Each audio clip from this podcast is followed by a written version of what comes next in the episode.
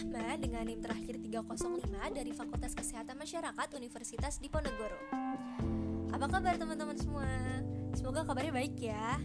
Oke, di podcast ini aku akan membahas mengenai gizi kesmas, yaitu tentang makanan tinggi GGL. Nah, ada yang tahu nggak sih GGL itu singkatan dari apa?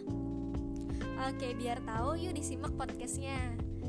Seperti yang kita ketahui nih, saat ini kita itu sedang menghadapi masalah kesehatan, yaitu pandemi COVID-19 yang sampai saat ini belum terselesaikan nih masalahnya. Nah tapi kalian tahu nggak sih kalau di tengah masalah pandemi COVID ini, ternyata Indonesia juga sedang menghadapi masalah kesehatan lainnya loh. Nah masalah tersebut adalah penyakit tidak menular. Nah berdasarkan penelitian, PTM saat ini itu menjadi penyebab kematian tertinggi di Indonesia yaitu sebesar 64%. Dan berdasarkan penelitian juga terjadi pergeseran pola penyakit yang dulunya PTM itu biasanya diderita oleh kelompok us lanjut usia tetapi saat ini PTM juga mulai diderita kelompok usia produktif. Jadi usia kita itu udah mulai ada nih yang menderita PTM. Nah, ditambah dengan kondisi pandemi COVID-19 ini, orang-orang yang memiliki PTM atau menderita PTM menjadi kelompok yang rentan terinfeksi virus COVID-19 karena memiliki kekebalan tubuh yang cenderung lebih lemah dibandingkan orang-orang yang tidak memiliki PTM atau tidak menderita PTM. Nah, e, untuk faktor resiko dari penyakit tidak menular itu ada banyak ya. Dan aku yakin kalian juga udah tahu beberapa dari faktor risiko dari penyakit tidak menular ini.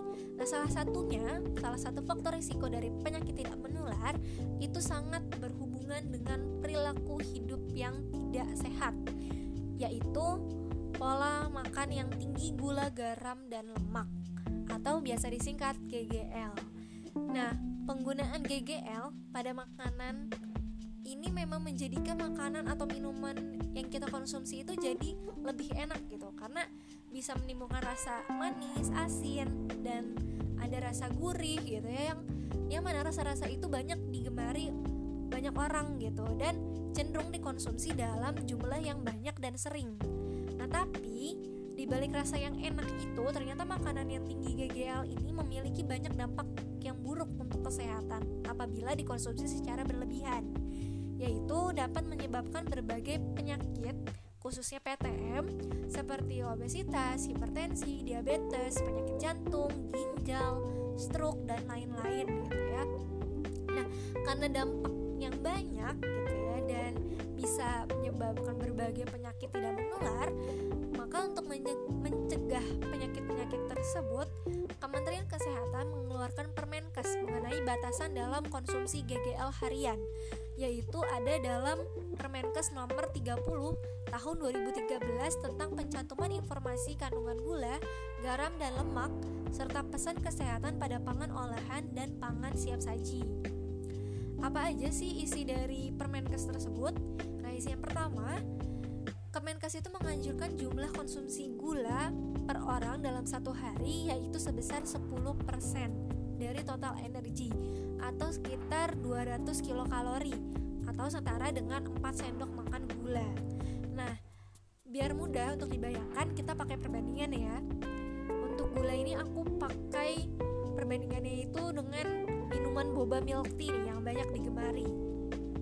Jadi dalam satu satu gelas minuman boba milk tea itu biasanya mengandung kurang lebih 200 gram gula atau setara dengan 16 sendok makan gula.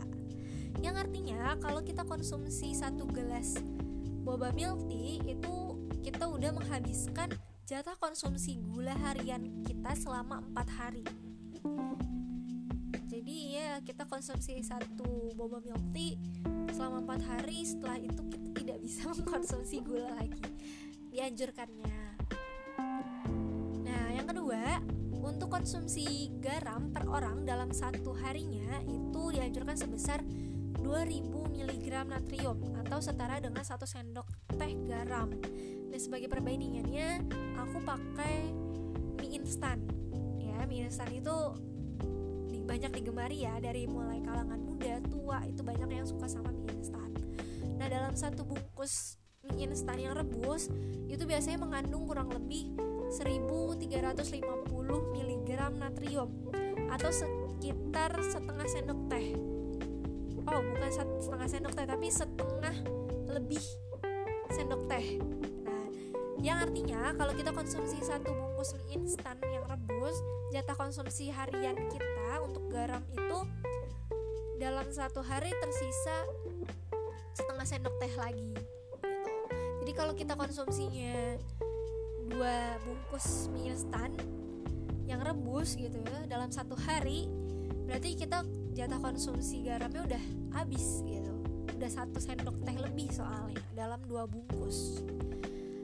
Oke dan yang terakhir yang ketiga yaitu untuk jumlah konsumsi lemak per orang dalam satu hari dianjurkan itu sebesar 20 sampai 25% dari total energi atau sekitar 702 kilokalori atau setara dengan 5 sendok makan lemak.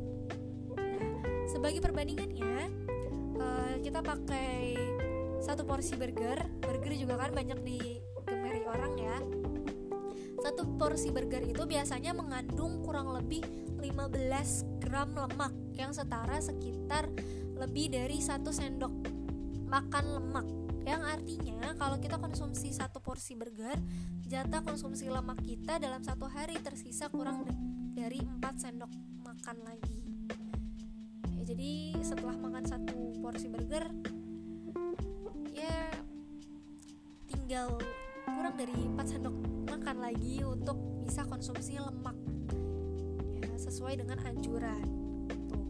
Nah dari penjelasan tadi menggunakan juga perbandingan-perbandingan makanan dan minuman instan yang banyak digemari orang yaitu pastilah ya kalian tahu kalau makanan dan minuman instan yang aku sebutkan tadi itu memiliki kandungan gula, garam, dan lemak yang tinggi. Jadi memang seharusnya atau sebaiknya jangan dikonsumsi terlalu sering gitu karena dapat menyebabkan uh, dampak buruk gitu. Salah satunya bisa menjadi faktor risiko penyakit tidak menular. Salah satu cara untuk mencegah PTM dan juga untuk menjaga imunitas tubuh supaya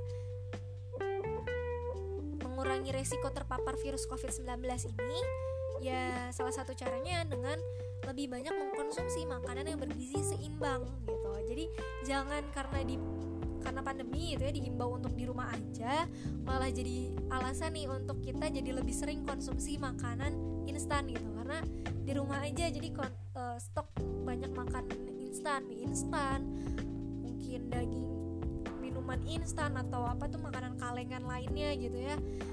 Jangan jadiin alasan gitu karena di rumah aja jadi nggak nggak bisa konsumsi makanan yang bergizi seimbang enggak gitu.